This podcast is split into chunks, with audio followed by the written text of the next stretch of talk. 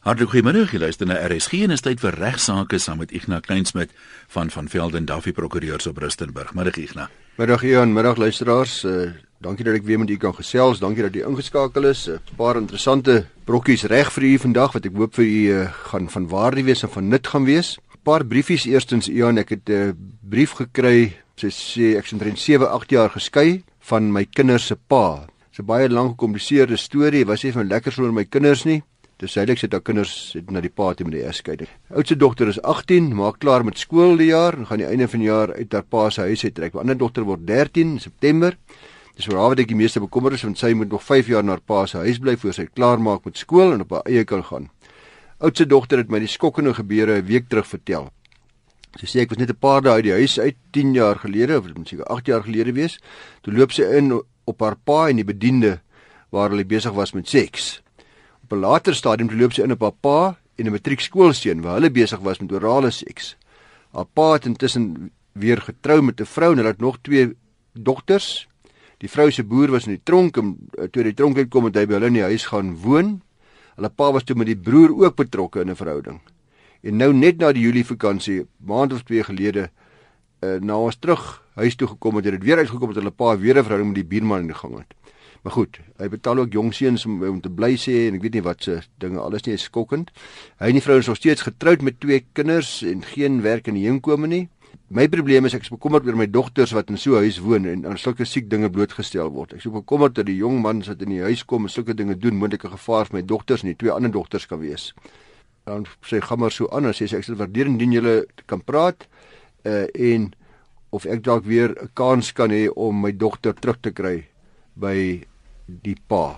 Nou mevrou ja, ek gaan net baie kortliks vir u sê dat die gesinsadvokaat in Suid-Afrika se hoofdoel is om ook te kyk na wat in die beste belang van kinders is waar 'n huwelik verbrokkel het of waar daar 'n disfunksionele situasie is soos in u geval. Uh en telkens na 'n egskeiding, gedurende 'n egskeiding, voor 'n egskeiding, selfs net wanneer daar geen egskeiding ter sprake is nie, kan die gesinsadvokaat telkens gevra word deur enige lid van die publiek, ook die dame wat hier skryf, om ondersoek in te stel na die welsyn en die welstand en wat in die beste belang van kinders is. In u geval na die egskeiding waar die hof klaar blyklik die kinders op 'n stadium aan die pa toegeken het, uh, kan mens elke keer as daar veranderde omstandighede is, nuwe dinge wat gebeur, nuwe bekommernisse. Uh, baie wat baie gereeld gebeur is byvoorbeeld 'n nuwe eggenote van nuwe eggenote is nie goed vir die kinders nie. Daar's 'n probleem, daar's iets wat skeefloop. Dan sal mens dikwels dan na die gesinsadvokaat toe gaan. Wat hulle doen is, hulle sal 'n gekwalifiseerde maatskaplike werkster, welsynswerkster of sielkundige na, na u toe stuur of na die pa toe stuur. Hulle sal 'n ondersoek instel na wat daar aan die gang is. Hulle sal onderhoude voer met al die mense wat 'n rol kan speel om hulle te help om te bepaal of dit dalk in die kind se belang is om dalk liewer terug te gaan na u toe. En baie keer is dit uh, en dis ook half tragies vind mense dat daar 'n bevinding is dat nie een van die twee ouers geskik is om behoorlik aan die kinders om te sien nie. Ek weet nie wat die rede was hoekom die kinderdogters destyds na iemand toe is nie by u gebly het nie. Daar daar was seker toe maar probleme gewees van een of ander aard. Maar uh dan kan hulle onder pleegsorg geplaas word, maar die punt is u remedie is maklik. U gaan na die laaste landroodskantoor toe, u vind uit waar die gesinsadvokaat naaste gesinsadvokaat uh, uh, is aan, aan waar u woon en u gaan lê 'n verklaring af voltooi 'n vorm wat vra dat hulle moet ondersoek instel. Ek nou miskien net vra as mens nou na die die algemene tipe voorbeeld kyk. Dikwels is daar nog 'n bietjie onmin tussen die partye. Jy weet die egskeidings is mos maar baie selde wat dit nou vriendskaplik afgehandel word en dan's dikwels maar 'n bietjie toutrekkery nog. Kom ons kyk nou na die pa en sê maar 'n nuwe vrou, hipoteties gesproke moet hulle samewerking gee? Wat se magte het die gesinsadvokaat of kan hulle sê nee man, dis 'n vals verklaring, die kind is gelukkig, ek ek gaan nie toelaat jy met hom praat nie. Nee, hulle moet hulle samewerking gee in terme van die wet. Hulle het geen keuse nie en as hulle so weier sou dit natuurlik uh, negatiewe afleidings teen hulle regverdig. En dit is soos jy sê Iona is baie keer allerlei spanninge en baie keer sal 'n uh, briefie soos hierdie 100% eerbaar en eerlik en opreg. Baie ander kere is daar manipulasie. Veral jong dogters. Kan nie vir die luisteraars sê maar julle wat kinders het wat luister sal weet uh hoe kinders ook hulle ouers kan manipuleer veral waar daar 'n gebroke huis is. In 'n woorde ma hulle speel vir pa te ma af. Gedurig deur. Van die naweek af terugkom dan dan is dit nou dan wil hulle liewer by pa gaan bly. Hmm. want pa dan nou natuurlik die hele naweek bederf Dit is nou maar hoe dit is normaalweg. En ma is nou weer die vark in die verhaal wat die hele tyd met huiswerk gedoen word en dit en dat en die hele tyd sê, "Maar dan gaan ek liewers na pa toe en dan gaan ek na weet en in hierdie situasie gebeur ook dikwels. Toe ek nie meer gelukkig is in die huis waar ek geplaas is deur die hof nie, dan uh, kan ek dikwels ook stories opmaak in 'n poging om weer terug te gaan na waar dit lekkerder vir my is. So mense moet maar mooi nie na kyk. Dis maar 'n ding wat jy moet baie omsigtig wees met behandel. Dis vir die gesinsadvokaat kyk mooi na en dis deel van sy taak. Dan het ek 'n briefie gekry, ekskuus Ian. Nee, die so die beginpunt is by jou plaaslike landdroskantoor. Hulle sê of jy kan sê waar is die naaste gesinsadvokaat? Korrek, ja. Dan het ek 'n briefie gekry uh Goeiedag meneer. Hulle sê ook weer een soos baie ander van u baie dankie daarvoor vir die interessante en leersame programme. Dit help hulle baie. My sê my eerste vrou en ek is in 2006 geskei en ek betaal sedert in onderhoud vir my seentjie wat nou 13 jaar oud is. Wat ek sukkel om te verstaan is hoekom ek nie mag aandring op die bewyse of kwitansies van waarvoor presies die geld gebruik word nie. Probeer so gereeld as moontlik luister. Ja, en vra hy nou dat ek dit sommer noem. Hy sê probeer baie luister, maar kan ek asseblief vir hom sê wanneer die program uitgesaai gaan word of kan ek hom direk antwoord? Uh, maar net weer vir luisteraars. Ja, ek net weer vir luisteraars sê ek kan ongelukkig nie vooruit sê presies wanneer hierdie spesifieke deel uitgesaai geword nie, so maar uh, hulle kan mos op die webwerf gaan ook Ja, dit is as potgoeie beskikbaar. Jy gaan net na die webwerf toe rsg.co.za. Klik daar op potgoeie en dan 'n sleutelwoord tik jy in regsaake en uh, dan 'n datum en van daai datum af is al die programme tot die jongste sien daar sien. Ja. Wat Dawie vra is eenvoudig, hy sê hoekom hoef die vrou wat wie na my kind omsien nie vir my presies te sê wat sy met die geld maak wat ek wat ek is onderhoud betaal nie. Ek wil kwitansie sê wat ander paas ook doen hulle sal sê byvoorbeeld dikwels dat goed ek sal vir jou R500 'n maand gee maar ek gaan die skoolgeld betaal en ek gaan die klere koop en ek gaan nie dit doen en ek gaan nie die perdery klasse betaal en ensovoorts ensovoorts want ek is bang dat ma gaan die geld vir haarself aanwend. Dit is dikwels jy hoor dit gereeld soos klokslag dat ma is bietjie spandaalberig en uh, sy is bang die die kinders gaan nie uiteindelik die voordeel van die geld kry nie. Nou dit is 'n wanbegrip wat by baie uh persone bestaan wat onderhoudspligtig is. Die werklikheid is luisteraars dat onderhoud is regtig nie net kos en klere nie. Onderhoud is 'n kind se totale lewensstandaard. Aan die ander woorde, dis nie vir my moontlik om vandag vir u te sê watter deel van my geld ek aan die kinders ek as ek nou gelukkig getroud is, watter deel van die geld ek aan elke kind spandeer nie. Maar dit werk nie so nie. Uh die water en ligte. Die kindsin is 'n deel van daai water en ligte betaal ek vir my kinders. 'n Deel van die huishuur betaal ek vir die kinders. 'n Deel van die motorpaaiement betaal ek vir die kinders want ek ry met my kinders op vakansie ek, ek neem hulle gelaai hulle af by die skool en bring hulle weer terug. So mense is totaal daar's een hofsaak in die Kaap en ek kan nou nie die naam van die hof onthou nie ek onthou wie die regter was. Sy het gesê die regter dat selfs dit was nou gegoede mense selfs hoe die ma lyk want daar was gekla gewees omdat die ma eenmal 'n week redelik uh, duursame uh, haarkappery uh, het vir haar mm, hare, mm. hare laat doen. Sy het 'n dogter gehad, onthou ek as ek nou reg onthou, ek praat onder korreksie van sê 12 en 14. Uh en die hof het gesê, "Wie, wat is vir hy dogters belangrik dat ma moet goed lyk." Dis deel van hulle lewensstandaard. Dis deel van hoe hulle uh, op daai lewensstandaard wat hulle handhaaf. Kan ma maar haar hare doen en die pa kan nie klaar dat dit 'n buitensporige uitgawe is nie. Nou dieselfde hier.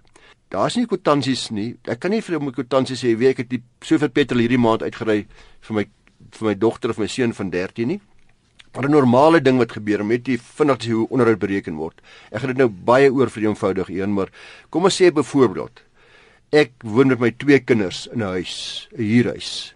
En kom ons sê byvoorbeeld dat ek betaal R4000 per maand huur. As mens in onderhoudskof of kom of in die hoërhof met 'n eskering dan sal die hof min of meer die volgende begin die die, die, uh, volgende formule toepas. R4000 R2000 is vir myself want ek bly in die hoofslaapkamer en ek het gebruik die sitkamer meer vir my gaste of wat ek nog al moet wees en omtrent R1000 elk vir elke kind want my lewensstandaard is elke kind in sy eie kamer. Ek bly nie in 'n pondokkie of in 'n of 'n enkel kamer of wat ek nogal nie. Uh nou sal jy of sê goed, hy R4000 klink billik in die lig van hele inkomste, 2000 vir ma, 1000 per kind. So gaan ons nou met die water en die bediende. Kom ons sê die bediende word 1500 betaal dan sê ek goed, is R500 want daai bediende werk vir elkeen ewehard. Is R500 elk vir my en twee kinders. Dit deel ek dit so toe. Dan gaan ek byvoorbeeld sê op vleis.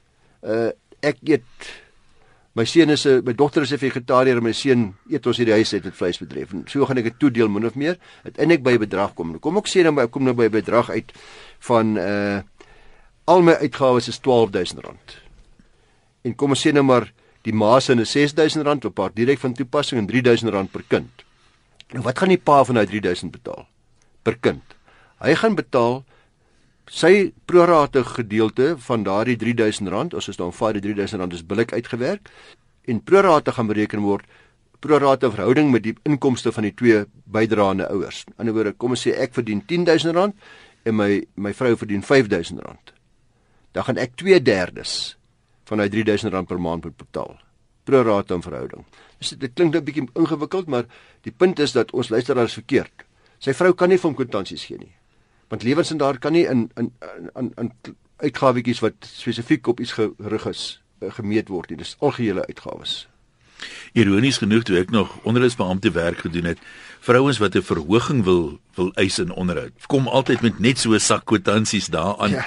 Dan vat hulle so van bo af. Kyk wat kos die pille. Nou, ja. daar's die pille. Jy weet, hier's dit, hier's dit. So in baie opsigte is dan kwitansies beskikbaar, maar ek dink wat ons sê is dis nie 'n akkurate bepaling van van die uitgawes nie. Nee, is so, maar jy jy moet vir die hof 'n behoorlike lys gee van wat jou gemiddelde uitgawes is. Maar hierdie persoon sê sy vrou moet vir hom individuele kwitansies gee vir wat sy op die kinders spandeer. Hmm. Dis net nie moontlik nie. Die huurder wat by my huur, volgende nuut hoor ek hy's bankrot. Wat nou? Wat meneer van ek van Bridgetown skryf my die volgende. Hy sê ek het 'n perseel wat ek verhuur aan 'n meubelhandelaar in Kimberley. Ons het onlangs die kontrak weer hernu vir 2 jaar, maar het nou verneem dat daar 'n aansoek in die Hogeregshof is vir die likwidasie van die huurder se maatskappy. Ek weet daar word altyd gesê dat huur gaan voorkoop. En beteken dit dus dat die insolvente boedel gebonde is aan 'n huurkontrak van 2 jaar of wat is die regsposisie? In die area waar my perseel is, is dit nie te maklik om nuwe huurders te vind nie. Ek dink daar's nog nie 'n kurator aangestel nie, maar ek sou graag wil weet wat my regte is voordat die insolventie finaal is. Ja, meneer van ek dit is sodat wanneer 'n eiendom verkoop word, die ou Hollandse spreek van huurgat voorkoop toegepas word. Dit beteken eintlik maar net 'n nuwe koper van die besigheid sal altyd gebonde wees aan die bestaande huurkontrak, se bepalinge en termyne en ongelukkig vir meneer van ek is dit ongelukkig nie dieselfde in die geval van 'n sekwestrasie nie. Want dis wat hy nou gehoop het dit is. Dis wel sodat die huurkontrak nie onmiddellik tot 'n einde kom by die sekwestrasie of soos in u geval by 'n maatskappy die likwidasie van die maatskappy van die huurder of die vir of die verhuurder nie die posisie in geval van 'n sekwestrasie is dat die huurkontrak binne 3 maande na die aanstelling van die kurator outomaties sonder enige ander regswerking tot 'n einde kom. Dis egter op die basis op die op die op die veronderstelling dat die kurator nie die huurkontrak wil verleng nie, want die kurator het die keuse Hy kan binne 3 uh, maande, binne daai 3 maande nadat hy aangestel is, kan hy aan u kennis gee dat hy wil voortgaan met die huurkontrak wat nou vir, wat duidelik is wat u graag sou wou gehad het moes gebeur het in hierdie geval as hy dalk nou inderdaad uh, gedekodeer is. Uh, dit sal natuurlik nou afhang of die kurator van mening is of dit in belang van die skuldeisers is om in die meubelwinkel aan te gaan want jy weet hy moet nou die belang van hulle optree. Uh, uh, en as dit nou klaar duidelik is dat hulle bankrot is as die kanse natuurlik In die meeste gevalle van sekwestrasie sal die kurator dadelik dit beëindig omdat hy al reeds verliese gely het met daai winkel en dit nie goed gaan nie. Anders sou hy nie gelikwideer gewees het nie. Hmm. Alhoewel as die besigheid nou ook ander bates het wat net die probleem veroorsaak. By 'n uh, eh, skuldberedding, skuldredding uh, is dit dikwels anders want daar sal natuurlik gepoog word, dis die hele gedagte met skuldredding, gepoog word om die besigheid te red ander woorde die daai skuld uh, beredderaar sal gewoonlik vir jou sê asseblief ek wil aangaan met hierdie kontrak jy hmm. weet en hom honoreer. Ja, hulle herstruktureer partymal bietjie sny kostes en hoop om die skip om te draai en die ding weer winsgewend te maak. Korrek, ja. So daar's nie 'n groot probleem nie, maar by sekwestrasie en likwidasie kan mens maar normaalweg amper groot persentasie gevalle sal die kurator nie voortgaan nie. Ons vir hier moet mens maar wag om te sien wat hier gaan gebeur. My advies is dat jy moet maar begin kyk vir 'n nuwe huurder. So het ek so gedoen het reeds op hierdie stadium as ek agterkom daar's probleme. Hy sê hy is nog nie seker of waar die likwidasie is nie. Maar as goeie nuus in die sin daarom dat indien die kurator besluit om wel te beëindig. Kom ons aanvaar die kurator besluit om kan beëindig. Dan sal die verhuurder wel 'n eis hê vir enige skade gelei voorspruitend uit die beëindiging. Nou wat is daai eis? Is gewoonlik gelyk aan die huurgeld vir die tyd wat die perseel leeg staan totdat 'n nuwe huurder gevind word. En indien 'n nuwe huurder gevind word, verminder as die huurgeld wat jy nou voor verhuur. Dan natuurlik die verskil vir die onverstreekte gedeelte van die huurtermyn. Uh kan dan ook skadevergoeding wees. Die vraag is natuurlik is daar bates om dit te dek? Nee, dis die probleem is en dis net 'n konkurrente huis. Dis nie 'n voorkeurhuis nie. Dis 'n konkurrente huis. Met ander woorde, u deel met al die ander skuldeisers dalk 10 sent in die rand of 20 sent in die rand wat u kry. Is nie 'n voorkeurhuis nie, maar die beste nuus vir ons uh, luisteraar is egter dat daar wel 'n voorkeurhuis is vir die verhuurder in opsigte van die roerende goed wat op daai perseel was op die stadium van sekwestrasie of likwidasie omdat daar 'n stilswygende hipoteek is oor al die roerende eiendom op die perseel ten opsigte van die huurgeld wat op daardie stadium op datum van sekwestrasie, sien nou maar op datum van sekwestrasie is nou reeds 3 maande agterstallig. Dan het jy stilswygende hipoteek oor al die roerende goed op daai perseel. Let wel behalwe natuurlik as die eienaars van daardie roerende goed vir u kennis gegee het dat dit sien maar op kon, op op konsignasie is of dat dit ja, uh, ja. dat dit aan my behoort ek gaan ek gaan uh, gaan na jou toe en ek vra vir jou of ek my motor in die motorhuis kan laat staan. Jy hier by Pietie. Ek moet vir Pietie laat weet. Hoorie meneer die verhuurder, daai motor wat daar by u aan staan. Dis behoort aan Ignas. Dis nie meer, dis nie se nie. As ek dit nie doen nie, dan val my roerende goed onder hy sal sy in die hipoteek die dag wat en as 'n voorkeurhuis.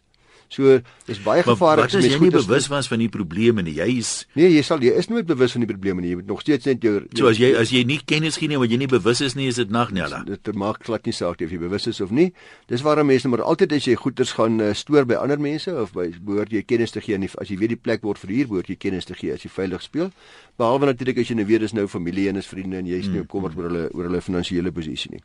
So alhoewel uh, dit nie regtig neer van X se saak hanteer nie. Dit is ook interessant om te lees daarop dat indien die verhuurder, dis nou meneer van X self die persoon wat my geskryf het, wat gebeur as hy gesekwestreer word? En jy hier nou by hom. As die eiendom verkoop word, dan sal so 'n verkoping weer eens onderhewig wees in die huurkontrak. Met ander woorde, die huur gaan vir koopgeld vir albei weerskante toe, vir die verhuurder en die huurder. Maar dis egter op voorwaarde, dit raak nou 'n bietjie ingewikkelder.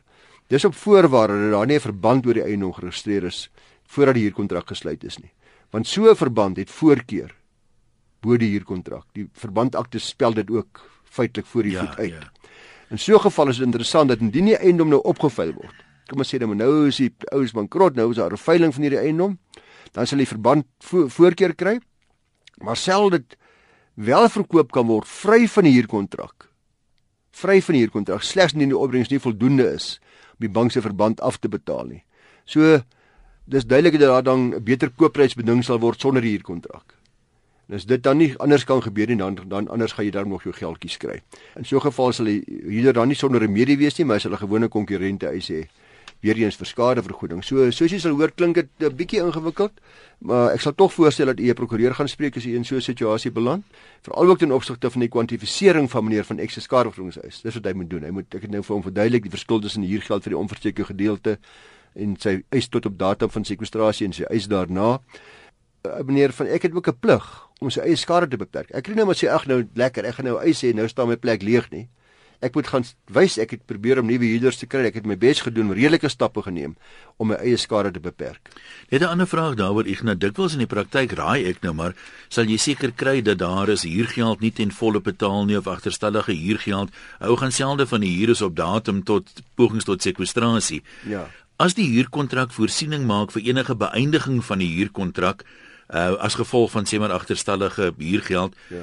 Uh, kan die verhuurder dan daarmee voortgaan voor finale sekwestrasie en ja, sê jong ja. my kontrak sê as jy meer as 2 maande agter is of meer as X bedrag ja. kan ek se huur beëindig as Alles, hy voel dit gaan sy skade beperk kan hy dit liewer doen presies dat jy moet dit beslis doen uh, in 'n ander woord as as jy as jou huurder my advies aan alle verhuurders is moenie wag tot jou huurder 3 maande agter is voor jy begin stappe neem nie uh, want uh, hy gaan die situasie uitbuit. Huurders gaan mettertyd as hy sien hy, hy as mense in die moeilikheid kom, Jan, dan betaal jy die ou wat die moeilikste is eerste. Ja, dis nou maar so. En die ou wat die maklikste is, kry eintlik nie sy geld nie. Dis maar ongelukkig hoe dit werk en as mense dan wil dierbaar wees, moet jy nie kom klaar by die prokureur as jy ou gesekwestreer word nie, want jy gaan gaan 'n konkurrente eis jy vir jou 6 maande as hier geld jy met die hele tyd uitstel gegee het en nice was en oulik was en gaaf was maar dit is omdat jy oulik is dan. Dit het niks met die met die regse onbeholpenheid te doen. So wil jy vir my sê nice guys come second. Ongelukkig. dit presies wat gebeur, ja.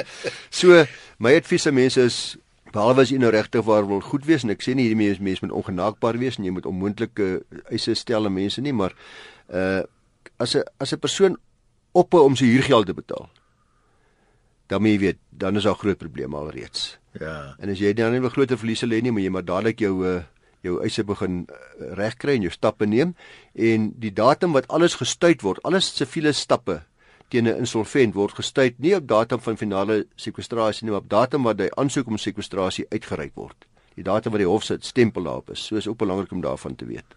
Ons het nog seker so 3-4 minute, so as ons iets korter gesê, kan ons daarmee afsluit. Ja, hy's nog 'n mooi storieetjie wat ek uh, uit Isak Norke se boek wat nie meer in druk is nie en nie beskikbaar is in die mark nie. Stilte in die hof, shut up, voetsek, so skree Isak Norke net wil vir u lees. Ons het 'n week of twee gepraat van die skelms. en toe het ek gepraat van die ou wat uh, die testament gebruik het om geld te leen by mense, maak hulle so ryk is. Nou is daar nog eenetjie, eh, 'n uh, man vertel Isak Norke, hy sê sy naam is Dani boek in by 'n hotel in Kaapstad. Daarna beweer hy sy chequeboek is gesteel. Hy maak vriende met die kroegman en vertel hom hy's 'n gesiene boer iewers in die Karoo. Die kroegman vertel hom hy's op die platteland gebore en getoe en hy hunker terug daarheen. Dan is jy net die man wat ek soek want ek het 'n plaasbestuurder nodig. Dis nou toevallig dat ek jou nou raakloop. Daar en dan huur hy die kroegman. Hy gaan nou by hom kom werk op die groot Karoo plaas van hom en hy leen toe ook sommer 100 pond by hom om sy hotel en ander koste te betaal want sy kontant is nou by die plaas. Die kroegman vertrek na die plaas, aanhalingstekens, en vind dat nog Dani, ook in aanhalingstekens, die eienaar nog die plaas bestaan. Diere les geleer 2 jaar later terug in Kaapstad. Ry die ou kroegman in 'n begrafnisstoet. Langs die straat sien hy vir Dani doenig met 'n pap motorwiel. Hy verlaat die stoet, haas hom na die naaste polisiestasie 'n paar minute later klop hy daai beskouer en sê: "Hallo Dani. Laat my toe om 'n vriend vir my en jou voor te stel. Ontmoet speler Susan van der Merwe."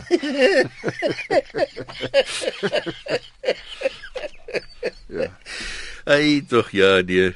Terloops, vir jaar so iets sê nou dat dit 5 jaar later gebeur. Sou hy steeds kon gesê het ontmoet vir speler van 'n merwe. Nee, gelukkig in die geval van die strafreg, as jy normale uh, misdade uh, is die normale 3 jaar verharringstermyn van siviele sake is nie daar. Dis 'n 100 pond eishou in siviele saak vir jaar het. Hmm. Uh maar omdat dit uh, diefstal was, het dit nie vir jaar het nie. Wat mense gedoen in daai gevalle normaalweg. Jy vra die hof, die aanklaer sal die hof vra om 'n vergoedende boete te oorweeg.